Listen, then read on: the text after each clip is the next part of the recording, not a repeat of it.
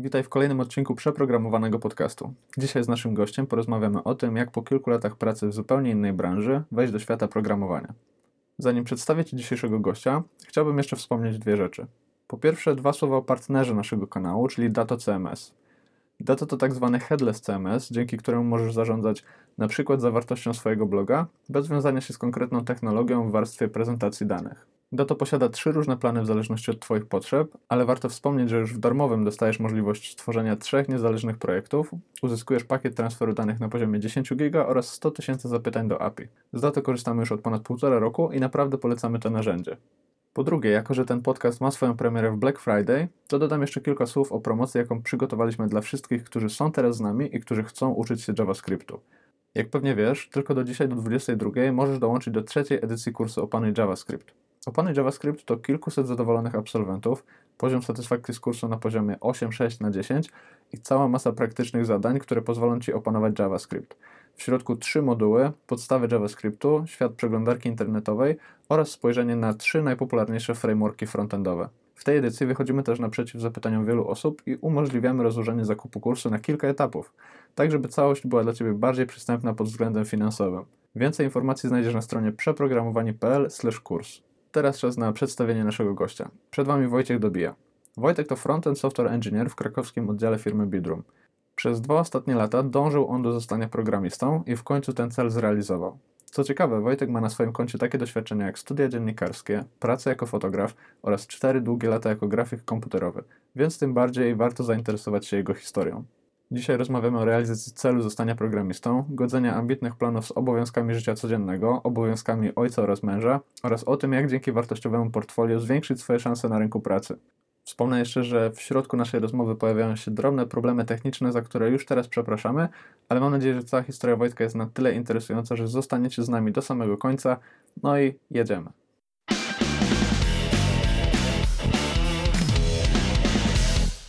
Wojtku, zróbmy sobie dzisiaj taki przegląd Twojego CV i zróbmy ten przegląd właśnie w takiej kolejności, jak masz te pozycje w CV wpisane.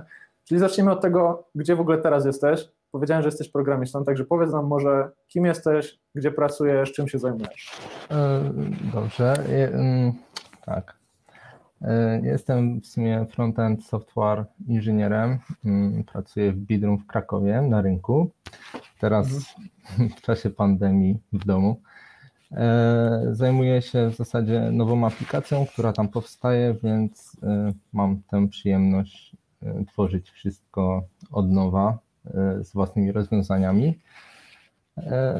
I to jest właśnie wszystko, jeśli chodzi o moją pracę. Tak, no bo tutaj powiedzmy, że powiedzmy, że dołączyłeś do zespołu niedawno i to jest pierwsza praca związana z programowaniem, tak? Tak, to jest moja pierwsza praca. Dołączyłem do e, zespołu e, we wrześniu, e, więc wiadomo, to była, to była w ogóle pierwsza praca, pierwszy raz, kiedy mogłem popracować w zespole, więc wszystko, co co działo się końcem września, było mega, mega takie wymagające ode mnie, bo wcześniej, wcześniej tego nie znałem. Robiłem sobie swoją aplikację do portfolio, więc wszystko, co, co napisałem, było moje, tak jak chciałem. Mhm. Jeśli czegoś nie chciałem, to to pomijałem. No było to wtedy mega wyzwanie. I wtedy wszystko zaczęło się tak układać. Cała wiedza, którą do tej pory zdobyłem, zaczęła się y, w głowie mega, y, mega układać. No właśnie, jeśli, jeśli, jeśli właśnie mówimy o tym, że, że dużo się pozmieniało, to na pewno zaraz do tego tematu chciałbym wrócić, ale na samym początku jeszcze powiedzmy o jednej kwestii, a mianowicie o samym poszukiwaniu tej pracy. E, teraz bardzo często pojawia się temat tego, jak, jak po prostu poszukiwanie pracy dla junior deweloperów stało się trudne. Także powiedz nam może, ile ty tej pracy szukałeś? Jakby nie mówię o całym tym okresie przygotowywania się do zawodu, bo o tym powiemy sobie trochę, trochę później, ale powiedzmy już w tym momencie, kiedy byłeś zdecydowany, kiedy miałeś tą wiedzę, to jak, e, jak to wyglądało, to całe poszukiwanie pracy u Ciebie? Muszę przyznać, że do końca nigdy nie byłem zdecydowany na to, żeby e, zacząć szukać tej pracy, chociaż mhm długo trwało moje przygotowanie do, do poszukiwań. Pierwsze CV tak naprawdę wysłałem w wakacje za namową żony. Mhm. stwierdziła, że już najwyższa pora, żeby coś chociaż, chociaż chwilę się zacząć starać o, to, no. o pracę, przez co mógłbym zyskać trochę więcej czasu. I muszę przyznać, że pierwsze wysłane CV, na pierwsze wysłane CV dostałem od razu odpowiedź, chyba tego samego wieczora. Mhm. Czy to już było od razu Biedron, czy jakaś inna firma? Nie, nie, to była inna firma. No i tam koniec.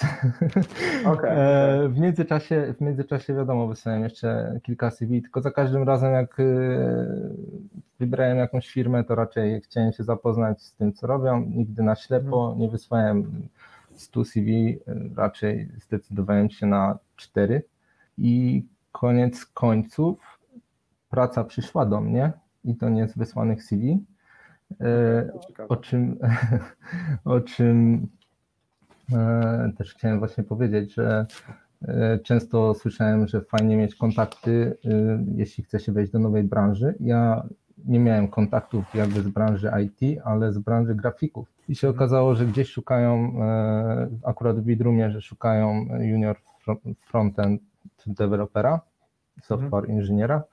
E, no i grafik do mnie znajomy napisał, że, że jest taka opcja, podeślij CV, to przekażę, może coś z tego będzie.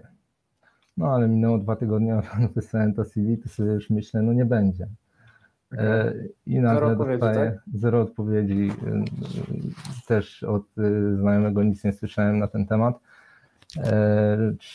Wiedziałem tylko, że przekazał to CV. I w końcu przyszedł mail, co mi od razu tak ciśnienie skoczyło. Dostałem maila, co teraz, co teraz. Wydrukowałeś od razu maila do żony, czy jakoś spokojniej? nie, no nie. Akurat chyba przy niej to czytałem, więc to było takie no mega, mega, mega fajne, bo coś, co skreśliłem już, bo stwierdziłem, no nie ma szans, e, pewnie nie spodobało się portfolio czy coś, to nagle dostaję właśnie wiadomość. Nawet nie wiem, czy w ten sam dzień mówiłem, już pewnie nie napiszą, bo już minęło tyle czasu. I pierwszy stresujący moment, bo się okazało, że muszę mieć rozmowę po angielsku. E, no, no tak. Y, rekrutacyjną, wprowadzającą taką, to nie była rozmowa techniczna. E, no i co pierwsze zrobiłem? Pierwsze co zrobiłem, to wszedłem na YouTube'a e, i słuchałem 8 mhm. godzin dziennie w pracy, y, coś tam projektując. Słuchałem TED Talks, jakoś tak to się nazywa. Mhm. Tam są ciekawe różne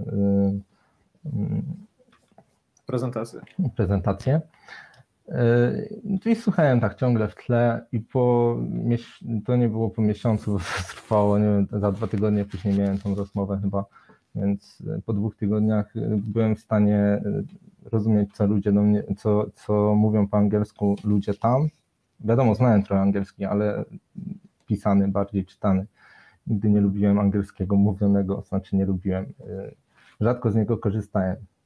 Mhm. E no i to rozmowa przeszła. Później okazało się, będąc na wakacjach, że mam rozmowę, e, rozmowę techniczną, że zostałem na nią zaproszony, więc wróciłem z nadmorza. Wyluzowany e, człowiek, zrelaksowany. Tak, tak. Wróciłem z nadmorza, poszedłem na rozmowę techniczną, mm, co było też mega fajnym doświadczeniem. Nie spodziewałem się. Szedłem tam ze stresem E, to moja pierwsza taka rozmowa, e, że nie będę umiał jakichś, nie wiem, teorii. Nigdy nie byłem dobrym z teorii, mhm. E, że coś zapomnę i tak dalej, ale okazało się, że dużo było fajnych, praktycznych rzeczy, które trzeba było po prostu sposób myślenia, więc mega mi się to spodobało. I chyba ja też się spodobałem pod tym względem, spodobałem, mhm. bo została zaproponowana mi na drugi dzień praca i stało się. I stało się. Wspomniałeś kilka razy o tym swoim portfolio i o CV, także może powiedz, co właściwie na ten moment, jak już właśnie aplikowałeś do firm, znajdowało się w swoim portfolio, bo no ja kilka Twoich aplikacji kojarzę, widziałem kilka z nich na Messengerze. No byłeś gościem, który widać było naprawdę się przyłożył do tego poszukiwania pracy i te Twoje projekty no naprawdę robiły wrażenie. Więc może powiedz tutaj, ile czasu włożyłeś w budowanie portfolio i w, po prostu zorganizowanie CV. E, dzięki. E, w zasadzie Tak, budowanie portfolio zacząłem na, mm, na początku tego roku, zaraz po waszym kursie. Wasz kurs chyba przed. y, y, Kiedy Druga edycja była w kwietniu, końcówka kwietnia. To pierwsza, ja byłem z pierwszej edycji, więc To było jeszcze na list- początku roku. listopada, grudzień, tak. Tak, Tak, tak. coś A kurs się skończył y, na To początku tego. trwało roku, Tak. 9 tygodni, więc po Tak. 9 tygodniach y, zacząłem uczyć się Reacta Mhm. y, i do wakacji miałem skończone y, portfolio. Y, Zrobiłem. mm, Aha, w międzyczasie robiłem jeszcze grę w JavaScriptie czystym, więc no to też, też trochę wpłynęło na, na to.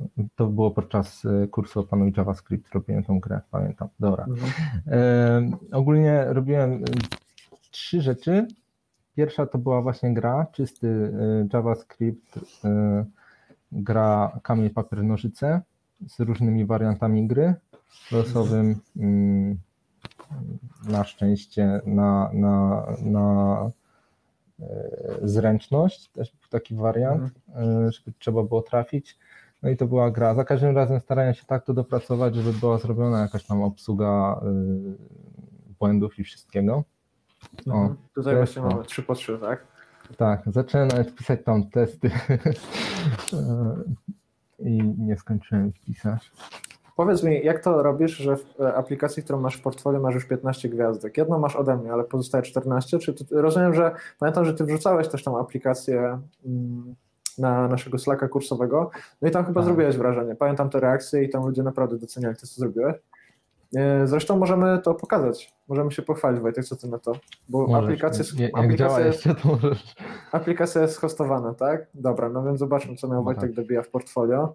Jak ja tę aplikację pierwszy raz zobaczyłem, no to stwierdziłem, ok, no gość będzie miał naprawdę pracę w, w przeciągu kilku następnych miesięcy i, i po prostu nie boję się o to. Aplikacja wygląda tak, e, kamień, papier, nożyce, no ale zobaczcie, no mamy tutaj i dopracowane ilustracje, widać to doświadczenie grafika komputerowego i mamy jakieś animacje. Powiedz mi, ile ogólnie zajęło Ci budowanie takiej aplikacji? Jaki to był, jaki to był okres?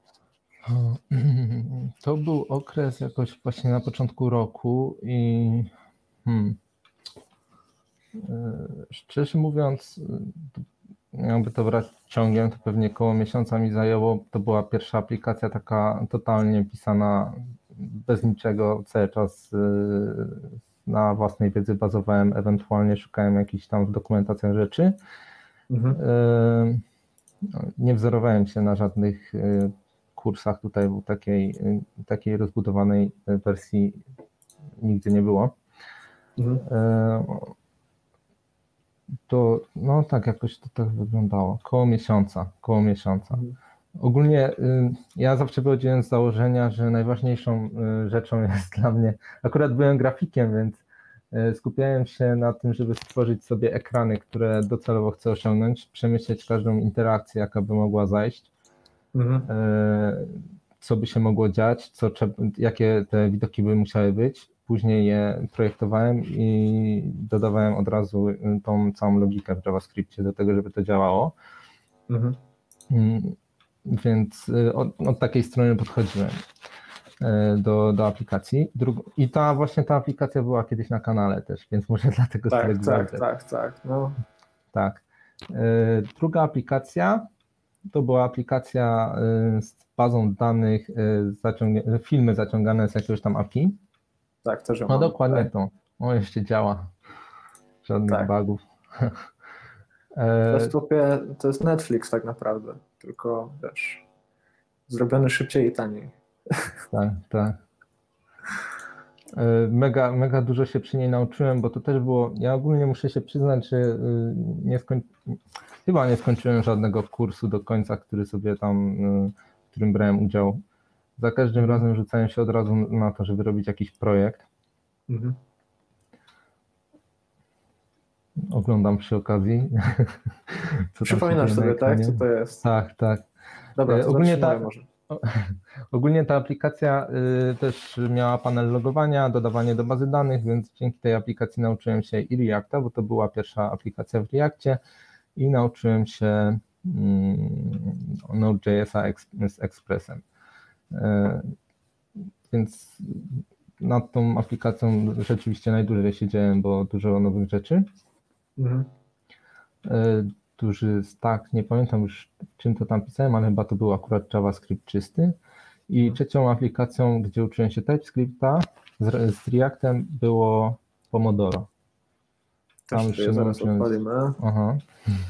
Opowiadaj może czym jest Pomodoro w skrócie, a ja tutaj udostępniam.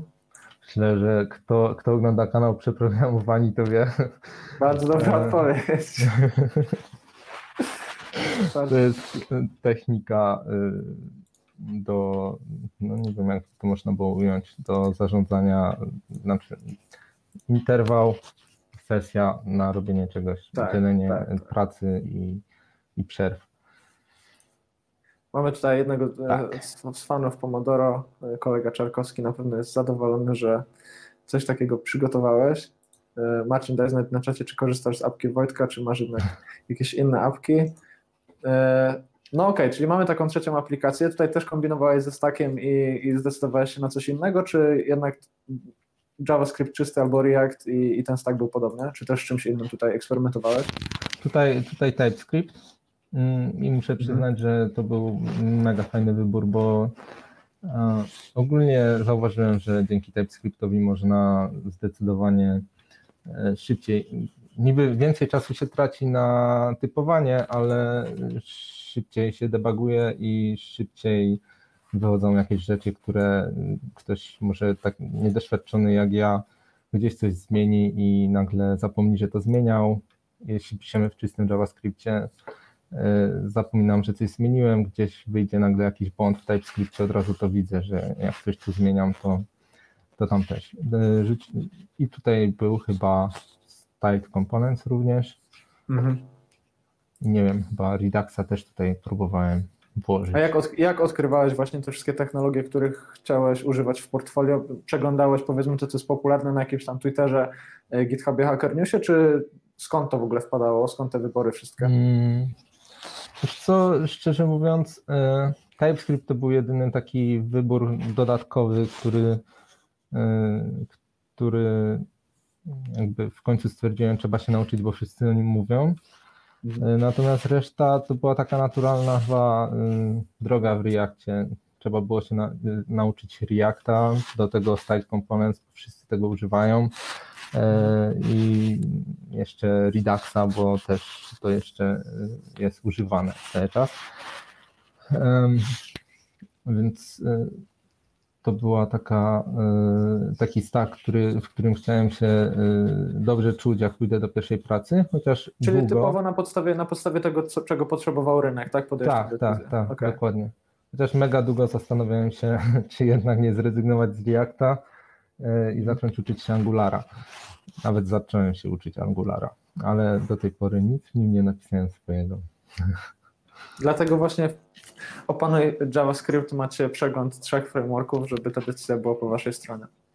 To taki mały hint No. związany z tym, co jest. Opanuj JavaScript zrobiło mi e, z tego powodu tru, trudną decyzję do podjęcia. Na początku myślałem tylko o tym, żeby zrobić Reacta. E, W ogóle nie wchodziły w grę inne frameworki, aż to nagle pojawił się kurs Opanuj JavaScript trzecim modułem. Wszystko stało się tak niejasne, co wybrać, w co iść. W sensie Tak, no wszystko było faktycznie. dobrze przedstawione, ale Mhm. ale wszystko było w takich dobrych, yy, tak dobrze to było fajnie przedstawione dla mnie, że te dwa szczególnie zwróciły moją uwagę. Mhm. Miałem, miałem problem z podjęciem tego. Tak, no faktycznie, no u nas w kursie staramy się właśnie unikać jakichś takich mocnych stwierdzeń co do, co do kierunków, w, których powinieneś, e, w którym powinieneś iść.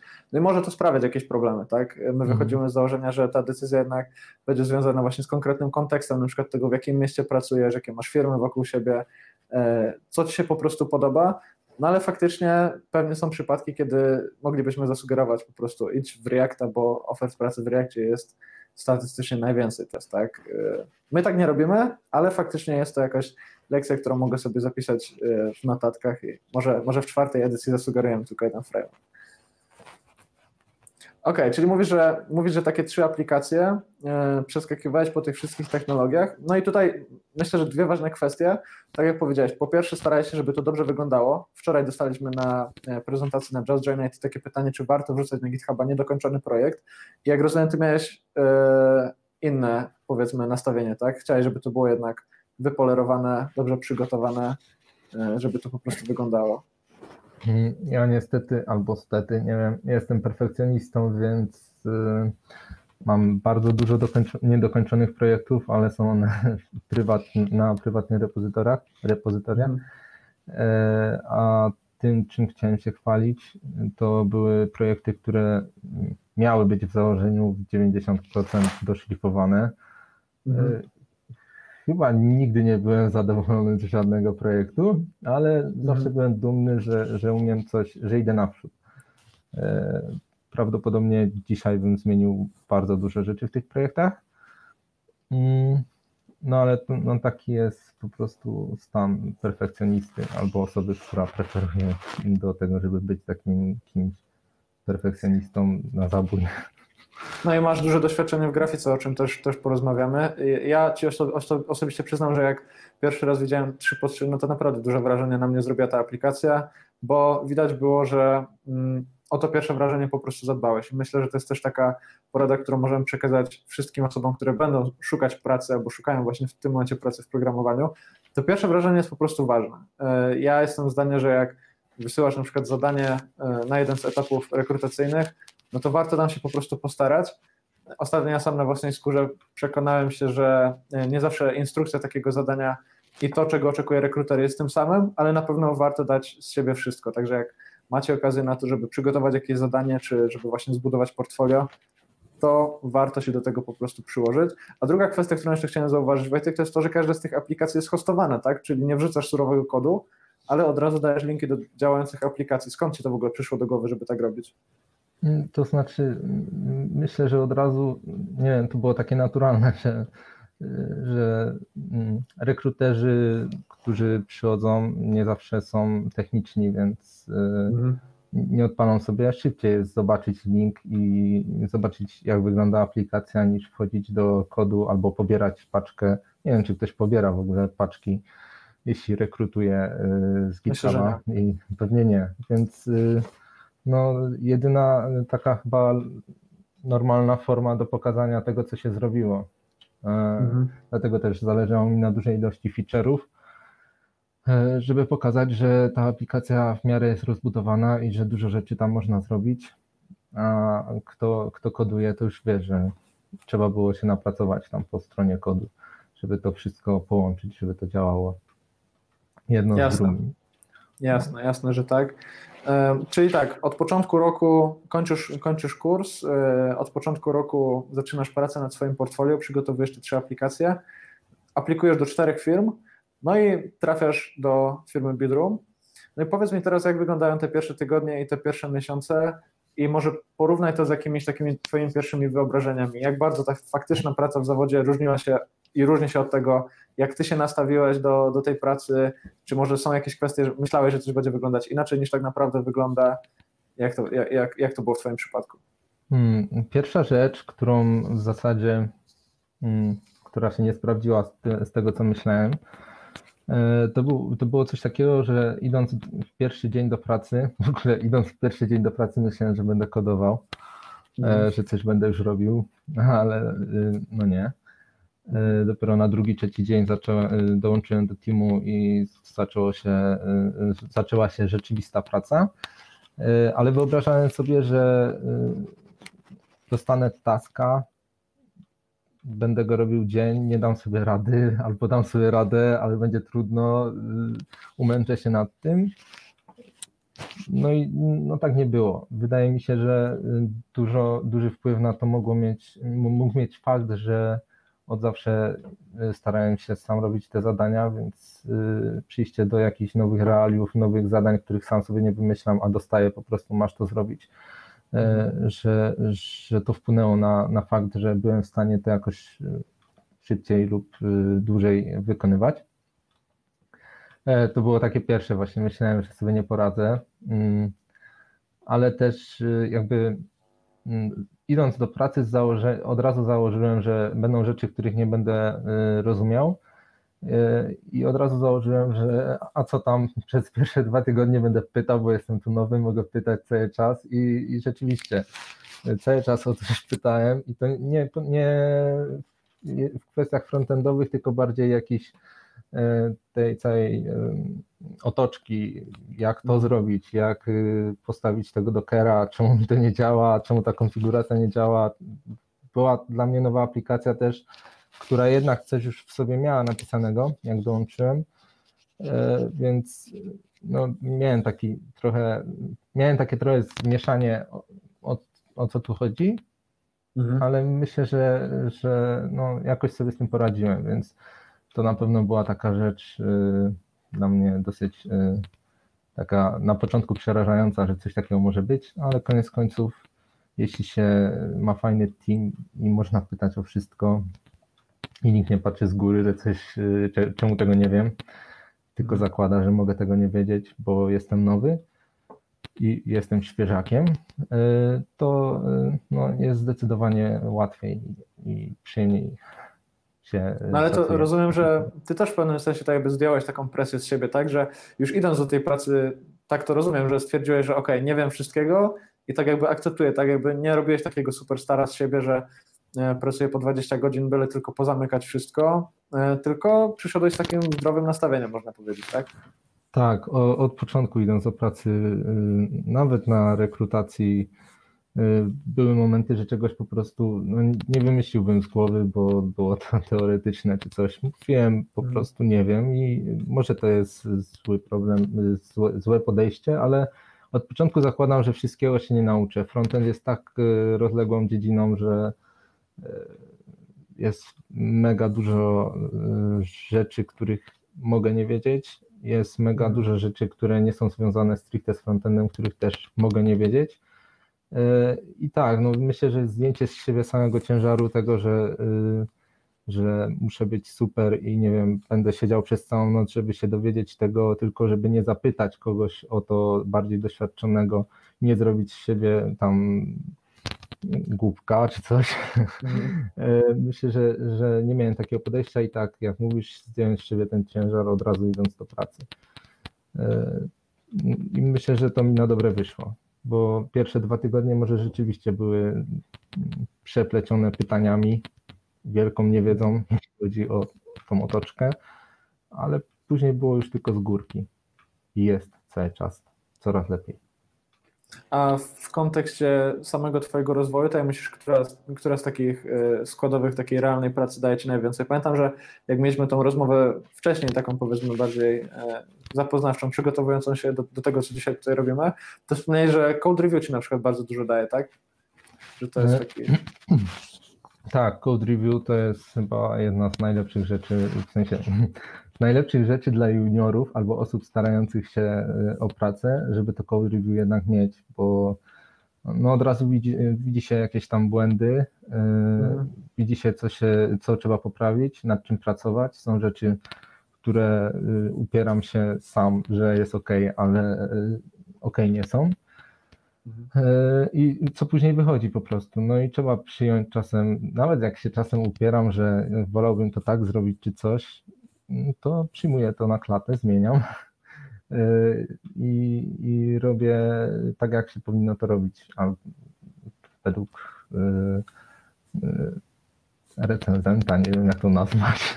No, kogoś, kto ci przegląda ten Kogoś, kto przegląda ten kod, tak. E, ale no, code review samo w sobie mega dużo wnosi. Na przykład miałem taki przykład, że mm, często powtarzałem kod then catch, w then catch powtarzałem kod, bo zapomniałem totalnie, że istnieje coś takiego jak finali i że mogę w finali kilka rzeczy różnych zrobić, zatrzymać loading, coś tam, coś tam i tak dalej. Nie obsługiwałem błędów. W mhm. sensie robiłem catch, ale na tym się kończyło pusty catch i, i fajnie jest. Albo mhm. console error, coś tam. E, bo nie było mi to potrzebne, nie? Wcześniej, mhm. jak się sam uczyłem. No i to kolejny przykład, kiedy zaczęto mi zwracać uwagę, no błędy muszą być obsłużone i teraz cały czas tylko patrzę na to, jak e, obsługiwać błędy, co się może wydarzyć. Fajne to jest w ogóle mm, takie dosyć ciekawe, mm, idąc przez aplikację, która jest zaprojektowana już, załóżmy przez designera, że mogę patrzeć na to i zastanawiać się, gdzie tu jeszcze można to usprawnić, bo będzie na przykład błąd, bo może tu się zdarzyć jakiś błąd, bo tutaj będzie chwila przerwy, co wtedy wyświetlać i tak dalej. E, dlatego no, to jest coś, co mi się mega podoba, e, że, że na to mi zwrócono uwagę. Co tam jeszcze było takiego? Mm, destrukturyzacja na przykład. E, jest z nami już długo. Destrukturyzowałem tylko niektóre rzeczy, które uznawałem za według schematu takiego, jak na kursach było, tak destrukturyzowałem, za nic się więcej nie zabierałem ale destrukturyzacja sama w sobie może mega y, jakby ulepszyć kod albo zrobić go bardziej czytelny, według mnie. Y, I też na to mi preview y, została zwrócona uwaga, albo takie, mm, takie proste błędy, czasem z logiką, że może lepiej to zrobić na początku już tego nie powtarzać, czy też nazewnictwo jakichś zmiennych. Mhm. Tu mam często problemy, bo za długie nazwy piszę chyba. No, więc review na pewno jest jedną z najlepszych rzeczy, jako, jaka może być na początku, znaczy zawsze, nie? Ale na początku dla juniora albo osoby, która się stara, jak się tylko da, poszukać osoby, mentora, który będzie robił review. No, dokładnie tak, dokładnie tak. To jest na pewno mega wartościowy proces i warto w ogóle na rozmowie kwalifikacyjnej o to, o to zapytać e, rekrutera, czy w ogóle w firmie przeprowadza się coś takiego jak code review, no bo to nam po prostu dużo daje. I o ile my to mówiliśmy wcześniej, no to tutaj przychodzi kolejna osoba do nas, czyli Wojtek i potwierdza to samo. Ja tutaj może jeszcze udostępnię e, na chwilę ekran i pokażę Wam jedną z tych rzeczy, o których mówił Wojtek, a mianowicie właśnie ten koncept design, design for failure.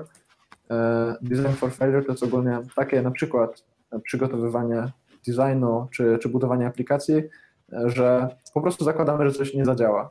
I jeśli podchodzimy do budowania naszej aplikacji albo projektują do projektu e, z takim podejściem, no to właśnie od razu inaczej podchodzimy do obsługi błędów, do jakichś stanów ładowania się aplikacji, do jakiegoś faktu, że na przykład jakieś połączenie może dłużej trwać, a dzięki temu użytkownik końcowy po prostu ma e, lepsze doświadczenie. Więc jak chcecie coś więcej e, o tym się dowiedzieć, to poczytajcie o takim koncepcie jak właśnie Design for Failure. Dobrze Wojtek, mówisz o tym, że jesteś e, junior developerem, jesteś frontend developerem, pracujesz w firmie produktowej. No i teraz może jest dobry moment na to, żebyśmy się cofnęli troszkę i żebyśmy pogadali o tym, co było wcześniej, bo o tym, bo jeśli chodzi o to, co było wcześniej, tutaj mamy troszkę wspólnego. To znaczy, razem pracowaliśmy w świecie grafiki komputerowej. Ja przez dwa tygodnie, ty przez cztery lata, o ile pamiętam a potem skręciliśmy w stronę programowania. Także powiedz, czy e, to przejście ze świata web designu na frontend było naturalne, czy jakby e, to, że to jest akurat frontend, to była jakaś inna kwestia? Mm, myślę, że jak najbardziej to było naturalne. Jak pojawił się pomysł e, dwa lata temu, znaczy pomysł był wcześniej, jak dwa lata temu zacząłem, więc tak gdzieś trzy lata temu, mhm, dokładnie trzy lata temu w Black Friday to był, albo Black Week, nieważne, na Udemy kupiłem pierwszy kurs. 27 y, y, to był listopada 2017 rok za namową mojego kolegi Tomka. Y, nie odpaliłem tego kursu przez następny później rok. Mhm. Później robiłem pierwszą lekcję i też go porzuciłem, bo mi się nie spodobał, ale to już wtedy, zaczął, wtedy zaczęło się myślenie o tym, że fajnie by było programować. Frontend, tak, był naturalną drogą, jakoś zawsze blisko mi było do, do rzeczy wizualnych jednak, bo praca grafika trochę też ukształtowała chyba mój umysł, mhm. więc y, zdecydowanie bardziej chciałem mieć y, namacalny, może to też y, ten fakt, że chciałem mieć trochę namacalny dowód na to, że coś robię. Mm, w backendzie tego chyba tak nie widać. E, w sensie widać, ale mm, dla kogoś, kto zaczyna i zaczyna od razu od backendu, chyba to nie jest takie. Chyba dlatego ludzie też częściej decydują się na frontend, bo napiszą coś w HTML-u, CSS-ie, od razu to widzą. W backendzie mm. chyba dłużej to zajmuje, nie wiem, bo nie zaczynają od backendu, później pisałem trochę tego backendu w Node Express, więc E, mając już frontend i łącząc się z tym widzę efekty. Nie wiem, jakby to wyglądało ucząc się samego e, backendu. Była to dla mnie właśnie, tak jak mówię, naturalna droga, naturalne przejście od grafiki e, do, do programowania i też właśnie przy projektowaniu stron, bo to był główny element, który najbardziej lubiłem robić, jak byłem grafikiem. Wtedy właśnie pojawił się pomysł a może by to zrobić, żeby to działało. No i zacząłem, zacząłem wtedy szukać, yy, znalazłem w ogóle pierwszy kurs jakiś darmowy HTML, coś tam jest gdzieś tam w internetach, e, więc zrobiłem go, zacząłem coś tam na tabel, nie na tabelkach, bo to nie było na tabelkach, na tabelkach był też jeden kurs, ale to nieważne, e, czemu tego jeszcze uczą. W każdym razie zacząłem coś tam robić, powiedziałem w pracy, już grafikiem byłem, robię coś takiego, robię coś takiego, E, będę, będę umiał coś zakodzić, to może coś pokodzę też tutaj.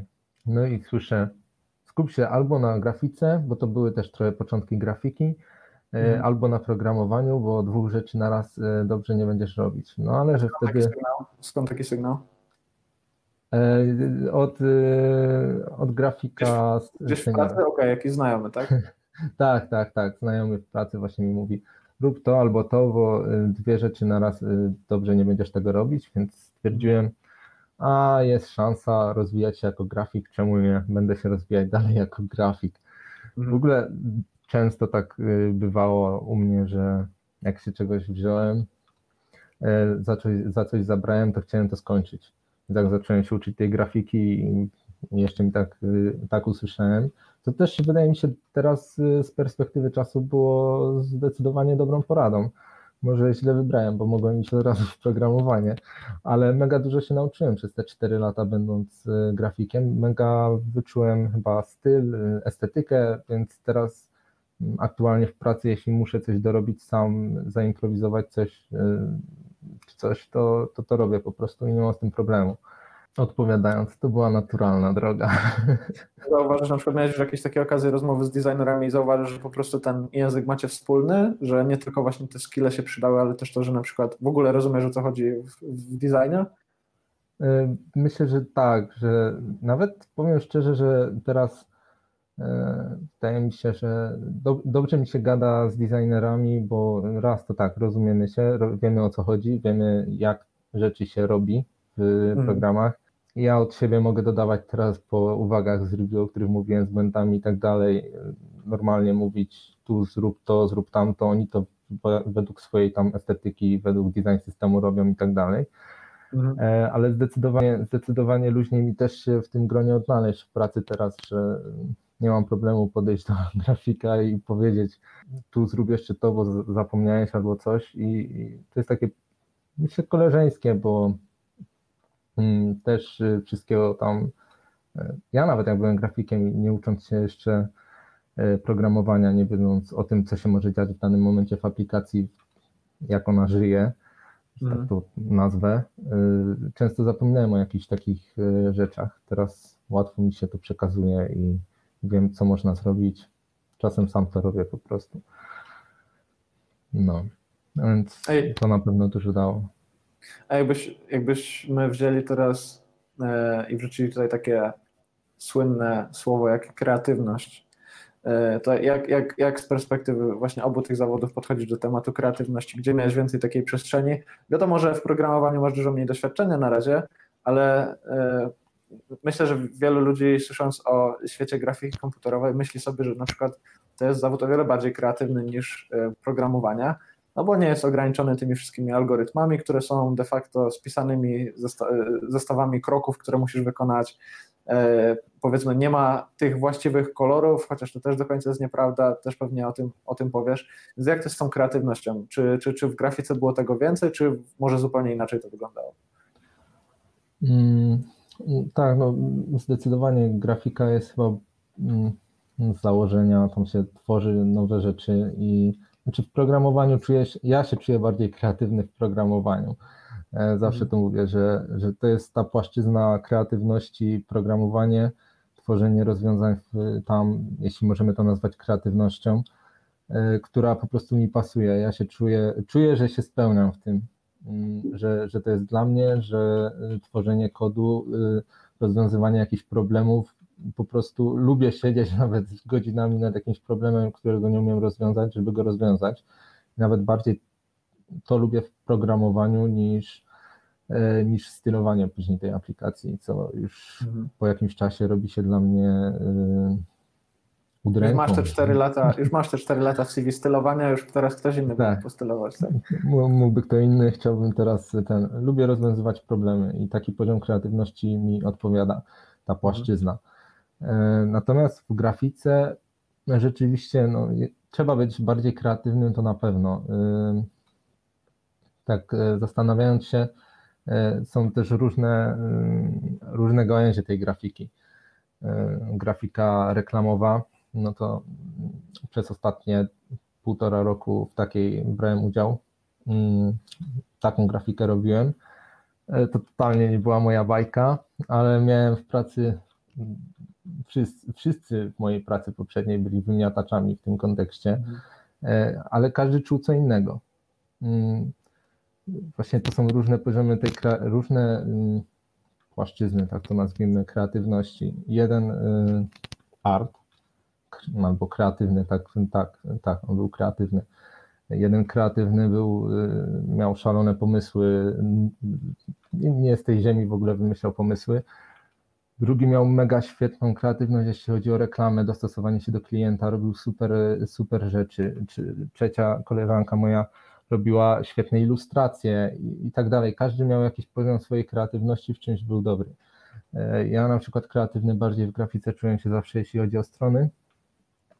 Mm, Tam tej przestrzeni do kreatywności też chyba było troszkę mniej. Jeśli chodzi, może nie strony, tylko aplikacje. Projektując aplikację, trzeba y, trzymać się jakichś tam UX-owych, powiedzmy, e, założeń, żeby to było, żeby po prostu było to user-friendly i, i niektórych szalonych rzeczy tam się nie zrobi po prostu. W stronach internetowych robi się szalone rzeczy, ale, ale później jak wchodzę na takie strony, to jestem po prostu przerażony, bo nie wiem, co tam robić. E, więc tak, no to są te różne płaszczyzny, mm, płaszczyzny tej kreatywności, różne sposoby, może jak my podchodzimy do tego. Każdy, każdy człowiek jest na swój sposób kreatywny i różnie podchodzi do tworzenia nowych rzeczy, do tworzenia Tak. rozwiązań. Jak tam często zmieniał się, zmieniał się kontekst y, i na przykład klient, z którym pracowałeś, jak, jak często musiałeś się prze, prze, powiedzmy, przekalibrować e, tak, tak umysłowo? Em, jeśli był dobry brief, e, Co to jest brief, może powiedz? brief, powie- nazwijmy to dokumentem e, pytania, na które odpowiada klient w stosunku do swojego projektu. Załóżmy, że chce coś stworzyć, e, wysyłamy mu brief z pytaniami takimi od nas szczegółowymi, co ewentualnie m, mogłoby się, o czym dokładnie myśli. To przepytanie klienta, co on tak naprawdę ma na myśli. Może Mhm. tak to nazwijmy.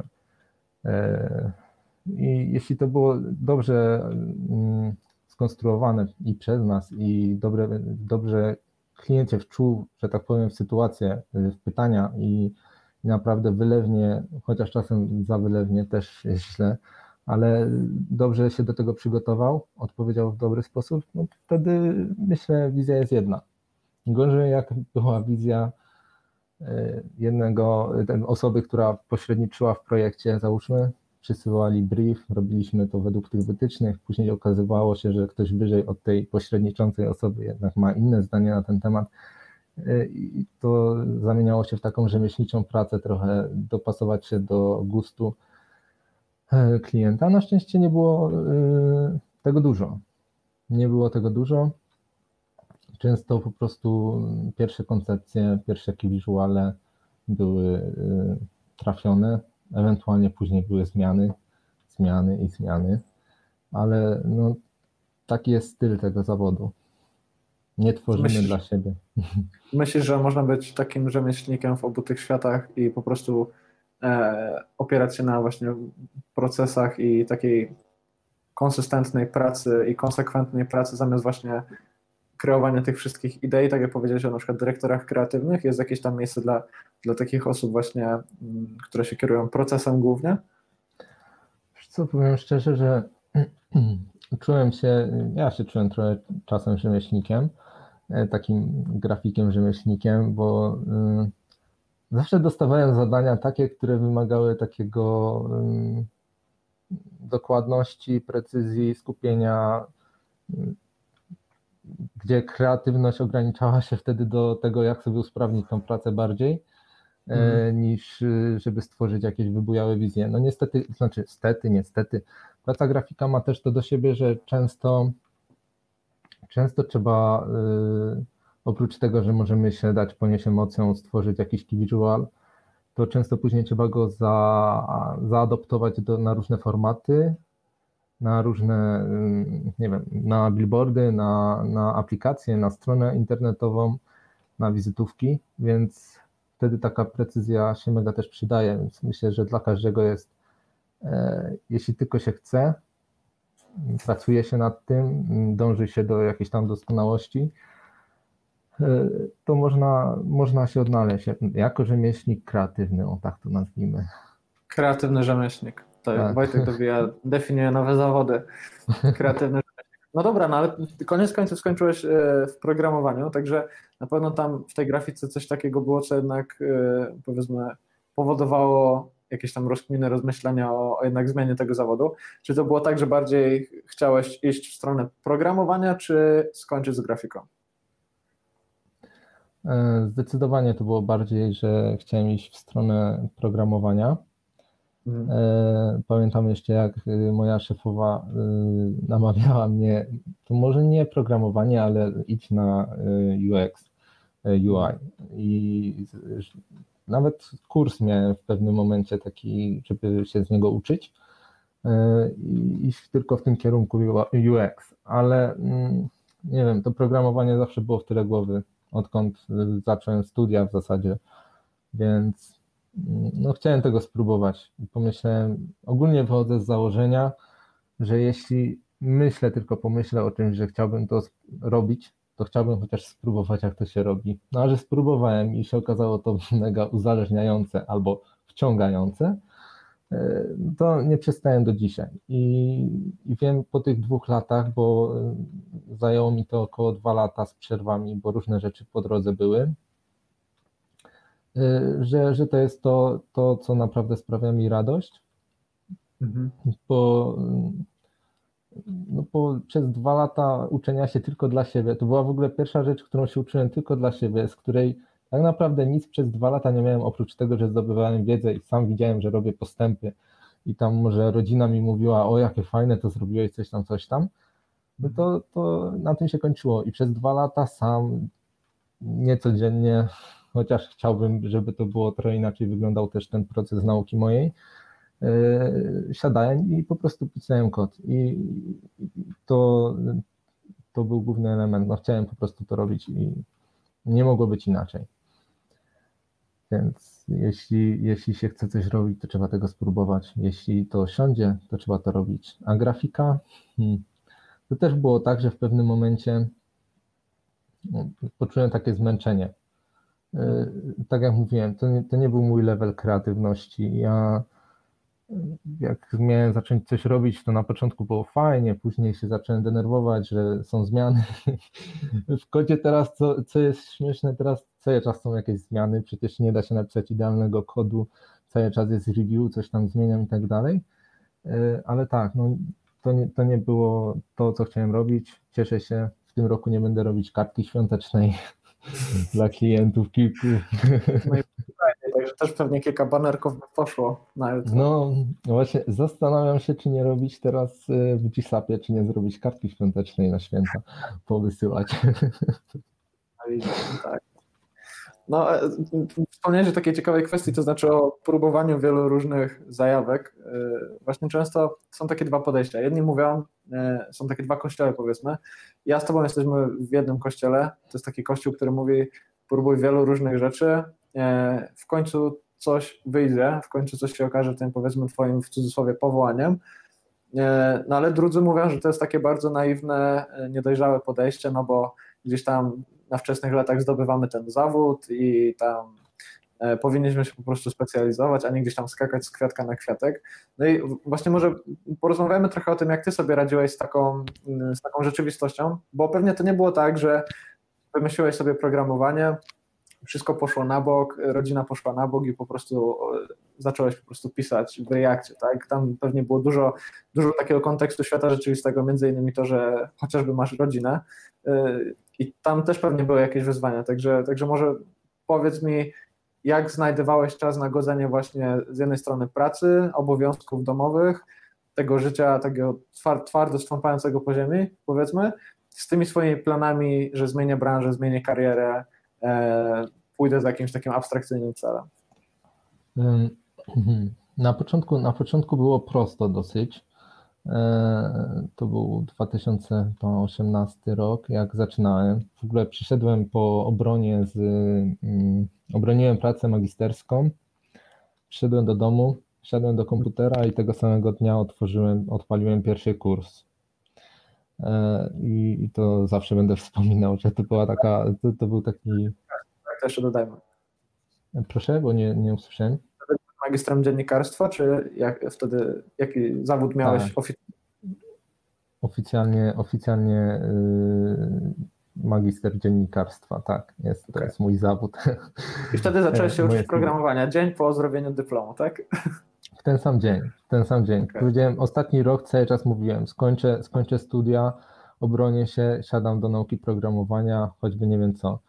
Y, a że tak jak mówiłem wcześniej, lubię kończyć to, co zacząłem, to chciałem skończyć te studia. Y, godzenie na początku było dosyć proste. Jak Marcin tam ostatnio miał w odcinku, mówił chyba, że o 5 wstaje, to ja wstawałem też o 5, nawet 4.30 czasem. Siedziałem do około 10 przed komputerem i się uczyłem. I, I ja w ogóle nie wiem, jak ja to robiłem, że tak wcześnie wstawałem, bo teraz nie umiem. Ale, ale naprawdę dużo mi to dało, że rano miałem taki czas na początku dla, y, na programowanie, później praca i później wieczorem jakoś normalnie, naturalnie miałem czas y, wtedy dla żony. Mm, ale y, ogólnie ten proces nauki był taki dosyć zawiły u mnie, bo w międzyczasie robiłem też różne swoje projekty, na przykład po dwóch miesiącach nauki HTML, CSS-a robiłem, można powiedzieć, pierwszy komercyjny projekt HTML, CSS, który miał mhm. służyć jako template do WordPressa i inny programista to za, przerobił później na, na, na template dem.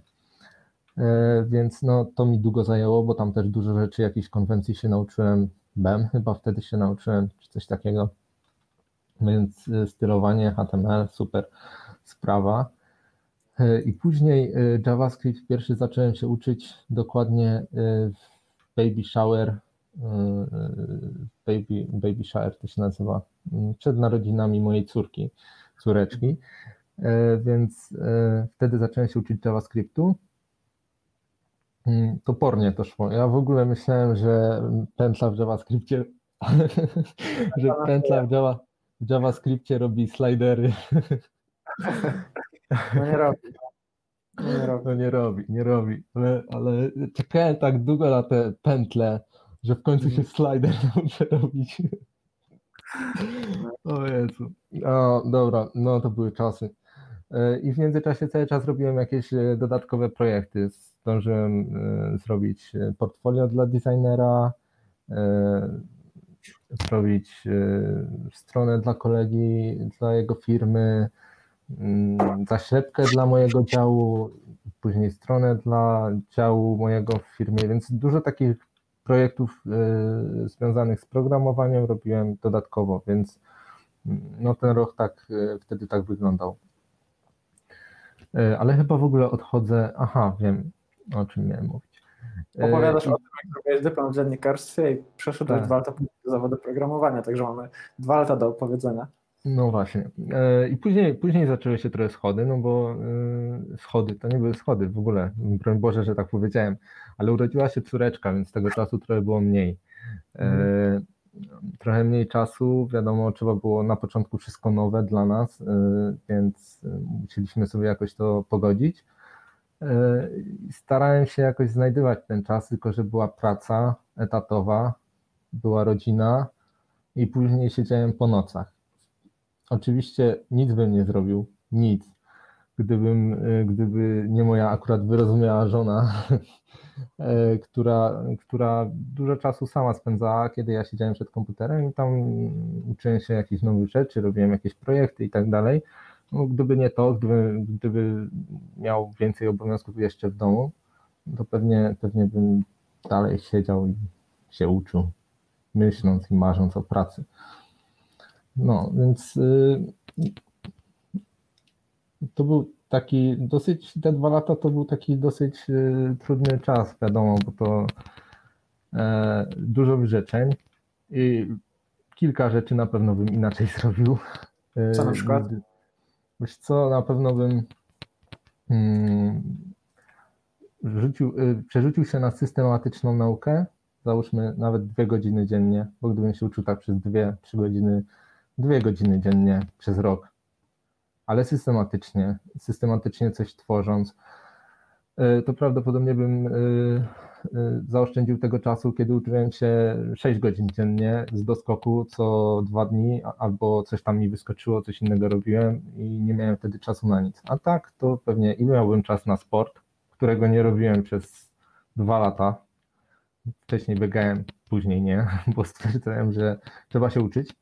Więc też było niezdrowe y, podejście. Chyba na, najlepszym podejściem jest systematyczność. Dwie godziny dziennie, załóżmy trzy, rozwiązywanie swoich zadań, jakichś skomplikowanych zadań, szukanie w internecie i tak dalej. Jest dużo teraz takich zbiorów w ogóle, że można rozwiązywać i, i, i, i później nawet poddawać do review.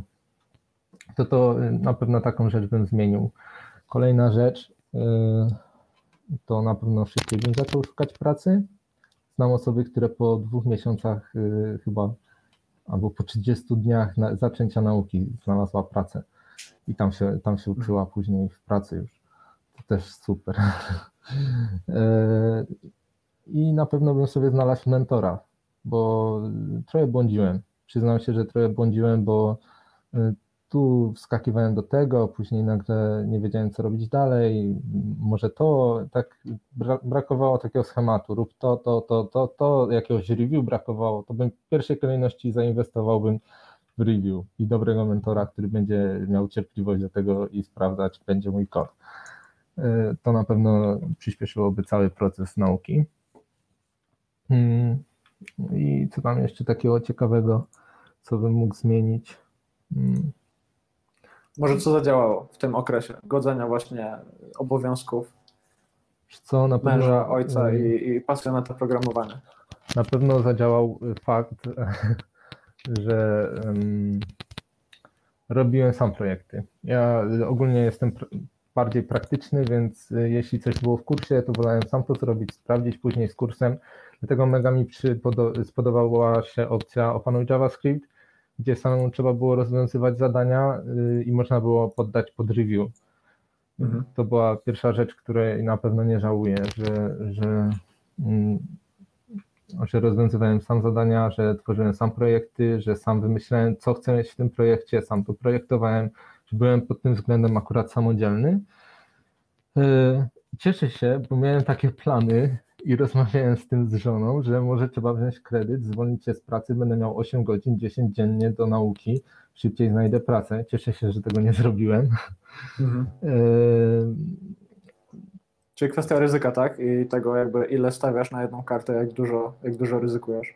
No, na, nawet gdyby powiedzmy okazałoby się, że dostałem tą pracę, to patrząc z perspektywy tych trzech miesięcy, że szybciej mi się udało, czy pół roku nawet, a patrząc, mając, patrząc w przyszłość, ile trzeba teraz spłacić tego, no to się cieszę. Cieszę się chyba, że, że uczyłem się sam, no, że nie poszedłem też na jakiś bootcamp czy coś takiego yy, i że jakby trafiałem na dobre źródła do nauki. Mm, No i nie wiem, to chyba są takie rzeczy, które najbardziej, najbardziej yy, mi zapadły w pamięć. Takie, że, że serio bym powtórzył to, ja bym robił. Yy, No i dobra No. żona do tego. i dobra żona, oczywiście, która siedziała z dzieckiem, która sama siedziała i, i, i patrzyła i cierpliwie na to, jak mi idzie nauka do przodu. Mówi się w sporcie, że kluczem do sukcesu piłkarza jest dobra żona, która po prostu zadba o wszystko, kiedy piłkarz jest tam gdzieś na wyjazdach, także trochę to brzmi podobnie u Ciebie, ale faktycznie jest to ważne, no że jeśli, jeśli jesteś faktycznie w związku i masz tą osobę, która może Cię wspierać e, i która do, do tego rozumie jeszcze to, co robisz, to na pewno to jest e, bardzo pomocne. A powiedz mi, jak to właśnie wyglądało, jeśli chodzi o tą e, naukę na zakładkę, bo mówiłeś o tym kredycie, mówiłeś o tym, że był kiedyś taki pomysł, no ale jednak koniec końców ta nauka na zakładkę powiedzmy się działa u Ciebie. Trudno było właśnie wytrzymać w takim trybie, że e, chcę programować, jestem grafikiem. Nie mieszały się jakby tutaj konteksty tego, co Ty tak naprawdę robisz przez te dwa lata? Oj tak, w sensie, no trudno było. Y, trudno było wstawać do pracy, wiedząc, że chcę mieć, y, chcę być programistą, a że nadal muszę to robić, no ale trzeba było, no, innej opcji nie było, musiałem wstać do pracy, robić projekty, nie odciągać się, więc yy, starałem się też, yy, patrząc tak, ucząc na zakładkę, starałem się po prostu w drodze gdzieś coś robiąc, nie wiem, nawet czekając na kogoś, to czytałem jakieś artykuły związane z tym, więc zawsze to było trochę więcej czasu, takiego pustego przebiegu, kiedy mogłem to robić i, i często tak się też zdarzało. Chyba to się trochę zacierało, te, te granice też, kiedy, co mam robić. I jakaś taka odpowiedzialność z góry, że, że no, podjąłem taką decyzję, no i muszę dojść do końca, znaczy muszę, chcę dojść do końca, E, ale, ale czeka mnie jeszcze tyle, tyle, tyle, tyle tej nauki i, i ta odpowiedzialność, że już tyle poświęciłem, albo to można powiedzieć, że to była motywacja, bo tyle poświęciłem, idę dalej, nie? Więc y, nauka na zakładkę dobra była w weekendy, bo wtedy nie było pracy. E, I często weekend też poświęcałem na naukę, no bo no, siłą rzeczy było wygodniej niż w ciągu tygodnia, kiedy się już było zmęczonym siedzeniem przed komputerem. No ale tak zdarzało się, że kilkanaście godzin spędzałem przed komputerem, pierwsze w pracy, później przy nauce. Dało się. Ale zdrowie też myślę jest ważne i, i warto, warto odświeżać umysł, na przykład biegając albo coś. No jakie miałeś takie swoje, swoje sposoby, żeby właśnie wychillować. Y, myślę, że pewnie, pewnie rodzina to jest taki sposób na właśnie y, trochę włączenie innego kontekstu, troszkę, troszkę zastopowanie tego, tego pościgu za nauką.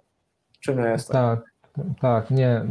U mnie to była w szczególności rodzina, bo miałem taką, można powiedzieć, zasadę, chyba że naprawdę się paliło, czy coś musiałem coś zrobić i tak dalej, że byłem w pracy, Później starałem się te dwie, trzy godziny coś e, porobić e, z córeczką, posiedzieć z rodziną, z żoną i tak dalej.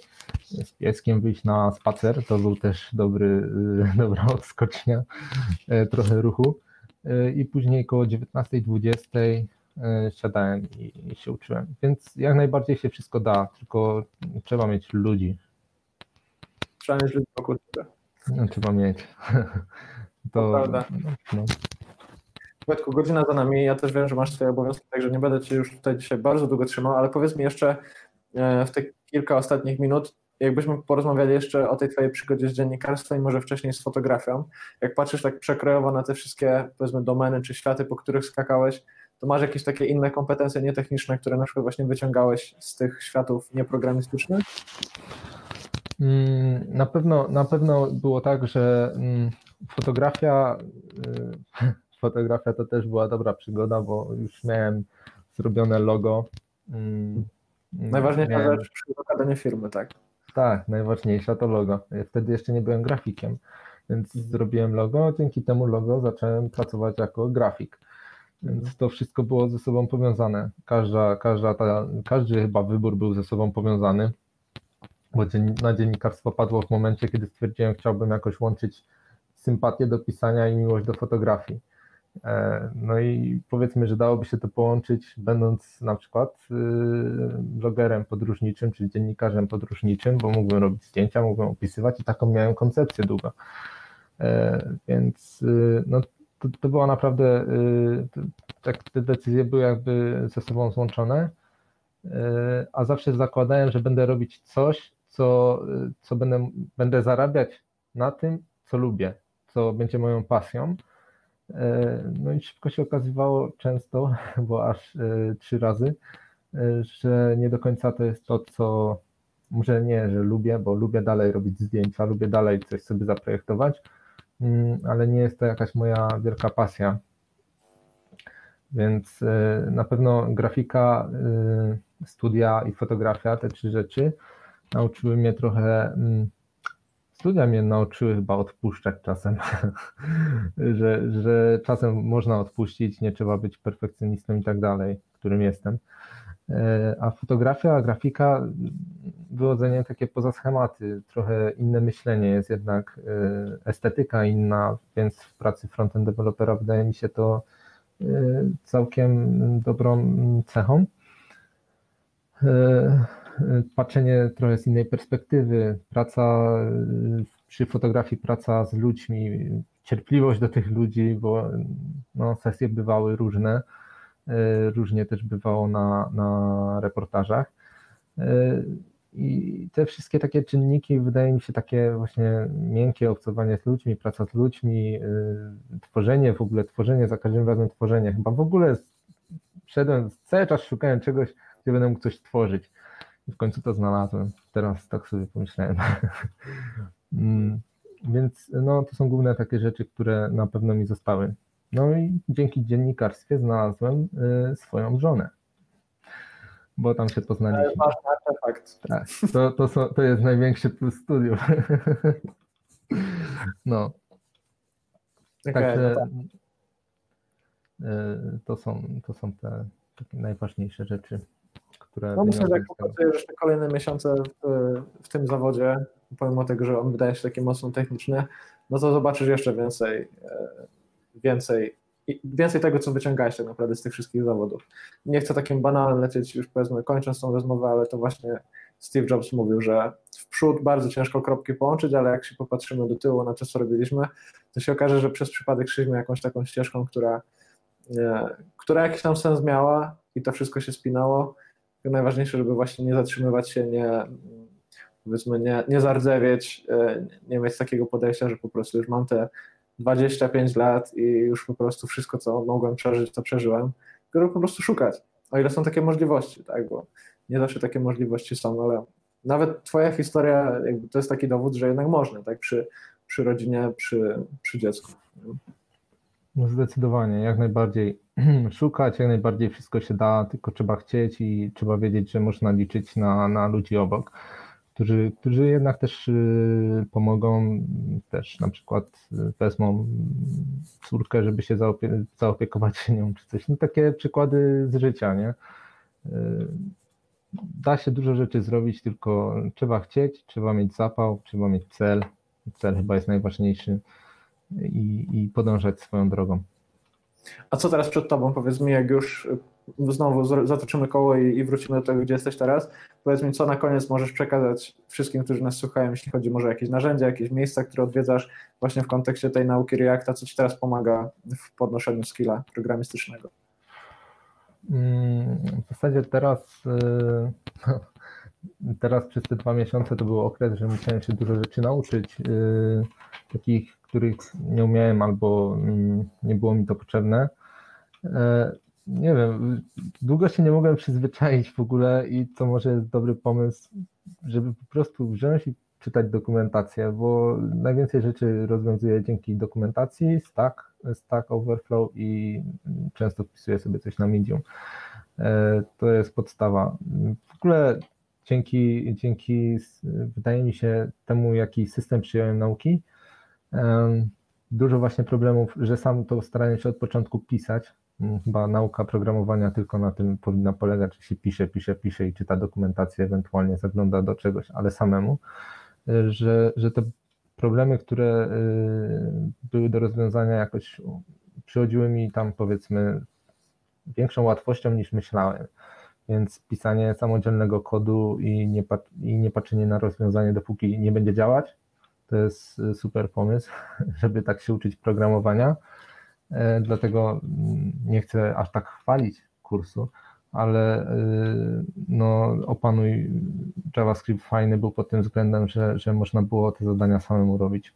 Chociaż teraz trzecia edycja, tak? Trzecia, czwarta? Trzecia. Trzecia.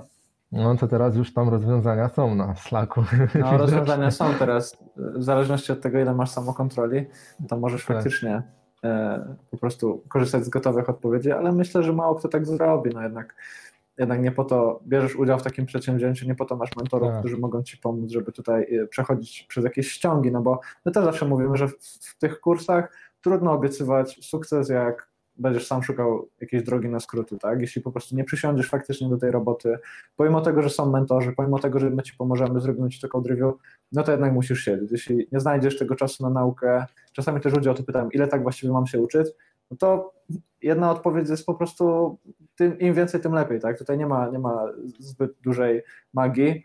Jeśli znajdziesz pół godziny dziennie, to siedź pół godziny dziennie. Jeśli znajdziesz godzinę dziennie, to godzinę dziennie. Ty nawet wcześniej powiedziałeś, że chciałeś się uczyć 2-3 godziny dziennie, to ja, ja myślę, że biorąc pod uwagę, że śpimy około 8 godzin, e, pracujemy około 8 i zostaje nam 8 na jakieś takie życie, powiedzmy nie praca i nie sen, to jeszcze 3 godziny nauki czegoś niezwiązanego z Twoim zawodem, to i tak jest bardzo dużo. Nie? Więc jeśli nawet tą godzinkę znajdziesz, to to jest jakaś dobra szansa na to, żeby po prostu iść w którąś e, stronę, może inną niż, niż właśnie taka, którą idziesz teraz. Tak, dokładnie. Konsekwencja i do celu i, i zawsze się jest. Gorzej też, gorzej, jak będzie to długo trwało, a tu narzędzia się pozmieniają. No wiesz, wszedłeś, wszedłeś świat frontendu, także pamiętaj, od godziny już się zmieniły trzy frameworki i 10 bibliotek, także E, tak, dokładnie. Wszedłeś do tego świata. No, także y, na pewno to, co mogę polecić, tak jak mówię, samodzielna nauka, znaczy samodzielna nauka, samodzielne pisanie kodu, pisanie, pisanie, pisanie y, i jak się da, to mentor i review. I to są takie trzy rzeczy. Wojtek, z mojej strony to tyle. Dzięki wielkie za to, że byłeś tutaj dzisiaj z nami. Dzięki wielkie za to, że się podzieliłeś swoją historią.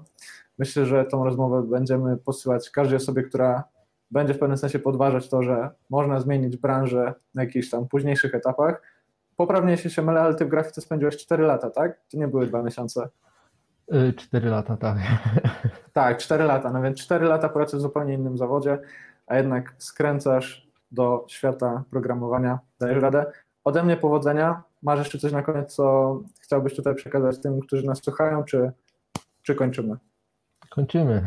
Dzięki. Dzięki wielkie. Dzięki wielkie, dzięki, że byliście z nami. Kolejna rozmowa już niebawem, kolejne live'y. Subskrybujcie przeprogramowanych, obserwujcie to, co robimy. Dobrej nocy. Cześć. A jeśli dotarłeś do tego fragmentu, to mam dla Ciebie mały upominek. Z okazji Black Friday mam dla Ciebie kod rabatowy na Opanuj JavaScript z kodem BLACK, czyli czarny. Uzyskujesz 10% zniżki na plan premium, więc jeśli chcesz uczyć się JavaScriptu i dołączać do całej masy kursantów oraz rozwiązywać nasze zadania praktyczne, to czekamy na Ciebie w Opanuj JavaScript tylko dzisiaj, tylko do 22. Do zobaczenia.